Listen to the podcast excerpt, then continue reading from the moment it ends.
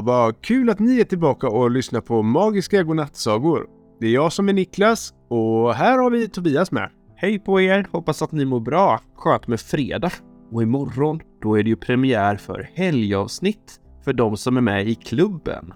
Klubben? Ja, eh, Magiska Godnattsagorklubben. För 29 kronor i månaden så kan man stötta vår podd och då får man också sagor på lördagar och söndagar. Ja, just det ja. Och om man vill gå med i klubben så kan en vuxen klicka in sig på Magiska Godnattsagor och läsa mer där. Eller så finns det en länk i avsnittsbeskrivningen här under.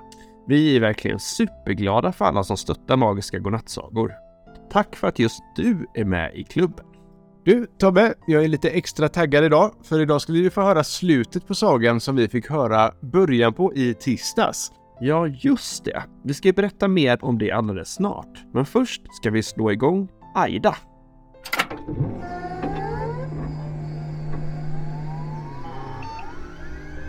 Hej alla barn! Och hej Niklas och Tobias. Vet ni vilken gubbe man inte kan se på sommaren? Eh, nej. Det är ju snögubben. Vet ni vilken gubbe man inte kan se på månen då? Mm, nej. Det är ju jordgubben. Ja, just det ja. Ja, nej, nu får du nog vara färdigt med gubbskämt för idag Aida. Eh, har du kanske någon rolig fakta till oss istället? Okej då. Då ska ni få dagens fakta istället. Passande nog så blir det fakta om jordgubbar. Tack Aida. Då kommer kvällens fakta. Idag om jordgubbar. Jordgubbar är inte riktiga bär utan skenfrukter med nötter, alltså de här små prickarna som finns utanpå jordgubben. Jordgubben har alltså sina frön på utsidan istället för på insidan. Jordgubbar kom till Sverige i slutet av 1700-talet.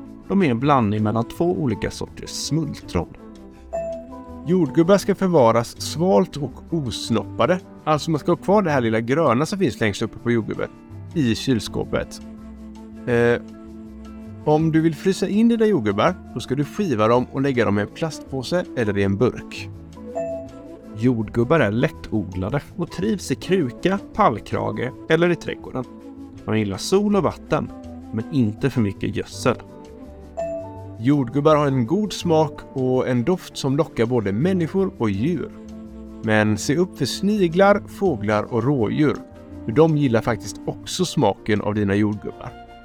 Mm, vad gott det lät med jordgubbar. Ja, nu blir man verkligen sugen på sommar, sol och bad. Ja, verkligen.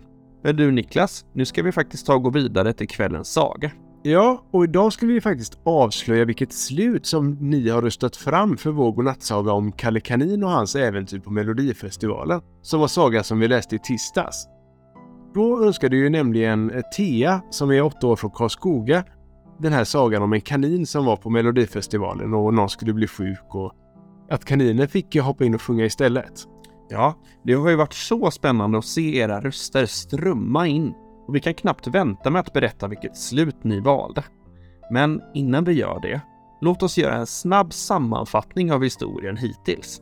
Ja, allting började ju med att Kalle Kanin som älskade att sjunga och drömde om att vara med i Melodifestivalen. Han hade ju den här morotstelefonen som han eh, röstade på sina favoriter med varje år. Ja, just det, den där morotstelefonen. Hur cool var inte den? Ah, ja, i alla fall. I år så var Kalles stora idol, Lina Lam, med i finalen. Och han ville så gärna träffa henne. Ja, så han tog ju sig till Stockholm för att se den här finalen och han packade ju sin ryggsäck med morötter och paraply och slipsen och på vägen där så träffade han ju många andra djur som han blev vän med. Just det, bland annat de... Eh, bland annat så var det ju Musli. En liten mus som hade blivit bestulen på sina pengar till biljetten. Och Kalle hjälpte henne att smyga in henne på arenan. Och de fick platser längst upp på läktaren. Ja, men så ville ju Kalle komma ner lite och komma lite närmare scenen och sådär, så han smög sig ner på VIP-sektionen och satte sig där. Och så skulle ju showen precis börja. Just det, och alla var så duktiga. Men Kalle längtade efter att få höra Lina Lam. Och precis innan hon skulle gå på scenen så hände det ju någonting hemskt. En lampa föll ner och träffade Lina rakt i skallen. Ja, precis. Och Lina Lams var ju satt ur spel och då fick ju Kalle en idé att han skulle sjunga istället. Så han sprang ju upp på scenen då med Musli på axeln.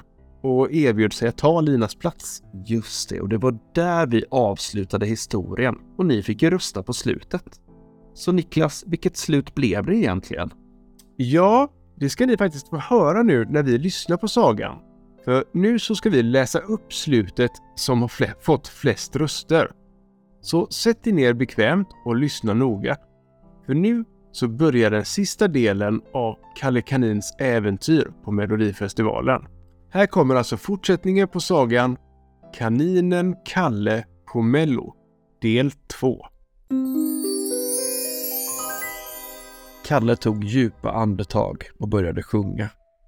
Hans röst var lite darrig till en början, men sångtexten flödade ut honom som om han hade sjungit den hundra gånger tidigare. Snart började publiken applådera och sjunga med honom. Kalle kände hur hans hjärta fylldes av glädje och mod. Musli dansade runt på scenen och spred sin glädje till hela världen. Kalle sjöng som om hans liv hängde på det och musiken fick honom att känna sig levande. Han stängde ögonen och lät musiken ta över. När han öppnade ögonen igen såg han Lina Lam som hade vaknat till liv och stod bredvid honom på scenen. Lina Lam öppnade ögonen och såg sig runt omkring, förvånad över att hon befann sig på scenen bredvid Kalle. Men istället för att känna sig rädd och förvirrad kände hon sig istället lugn och självsäker. Hon insåg att hon hade vaknat till liv, inte bara kroppsligt utan även känslomässigt. Hon såg en ljus väg framåt och kände en ny energi inom sig. När hon mötte Kalles blick kände hon en djup förbindelse till honom, som om de hade känt varandra länge. När hon hörde honom sjunga kände hon musiken och texten flöda genom hela kroppen. Hon visste att hon ville sjunga med honom och stötta honom på scenen. Så hon började sjunga med en mjuk och varm röst, vilket fick Kalles självsäkerhet att växa. De sjöng tillsammans som om de vore en enda röst och kände en stark harmoni och samhörighet med varandra. Lina kände att hon hade hittat sin plats i livet, på scenen, med Kalle och musiken. Deras röster harmoniserade perfekt och det var som om de sjöng en och samma sång. De sjöng om kärlek och hopp och om tro på sig själv. Kalle kände hur hans röst blev starkare och mer självsäker för varje ton. När sången var slut stod publiken upp och applåderade länge och väl. Kalle och Lina kramade om varandra och tackade publiken. Kalle kände sig som om han var på toppen av världen. Efter showen träffade Kalle Lina backstage och de pratade länge om musik och livet. Lina berättade att hon hade hört talas om Kalle innan och att hon alltid tyckte att han var en talangfull sångare. Hon erbjöd honom att följa med på hennes turné och sjunga tillsammans med henne. Kalle tackade ja med tårar i ögonen. De reste runt i hela landet och sjöng för fulla hus. Kalle och Lina blev goda vänner och sjöng alltid tillsammans på scen. Mus Li blev deras manager och ordnade allt praktiskt. Tillsammans skapade de musik som berörde och inspirerade människor över hela världen. De sjöng om kärlek och hopp och om tro på sig själv. Kalle och Lina visste att allt var möjligt om man vågar tro på sig själv och följa sin dröm. Och varje gång de sjöng tillsammans viskade Kalle till Mus Li på axeln. Tack för att du blev min vän och gav mig modet att följa min dröm. Tillsammans kan vi göra allt. De fortsatte att skriva nya låtar tillsammans och deras musikaliska samarbete blev allt starkare. Kalle insåg att hans liv hade förändrats för alltid genom att ha mött Lina och Mus Li. Han hade hittat sitt kall i livet och kände en djup tacksamhet för allt som hade hänt. Efter ett tag började Kalle och Lina prata om att skapa ett eget skivbolag. De ville ha full kreativ frihet och kontroll över sin musik. Med hjälp av Mus Li och andra musikvänner så lyckades de starta bolaget och det blev en stor succé.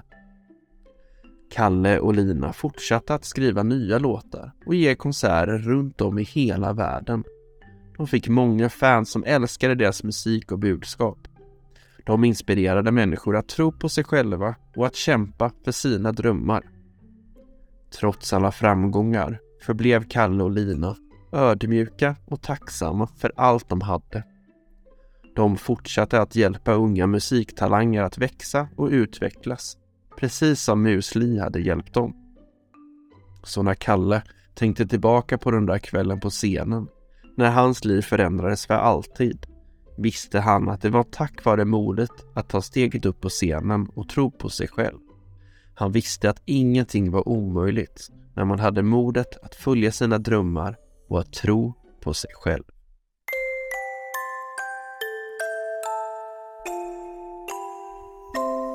Vilket bra slut ni röstade fram. Eh, hoppas att ni tyckte det var kul med en saga där ni fick vara med och rösta. Ja, och glöm nu inte att följa oss på Instagram och Facebook om ni inte redan gör det. Sök på Magiska Godnattsagor så hittar ni vårt konto. Följer man oss där så missar man inte när vi lägger ut fler omröstningar eller olika tävlingar. Och fortsätt gärna spela in eller skicka in önskemål till oss på sagoidéer. Det gör ni lättast via formuläret på vår hemsida, magiskagodnattsagor.se. Och tack hörni för hjälpen med att rösta fram slutet på sagan. Men nu är det dags för oss att ha lite fredagsmys och sen ska vi sova. Och ni som är med i klubben får ju höra oss redan imorgon igen. Är man inte med i klubben så hörs vi igen på måndag. Sov så gott allihopa! Sov så gott!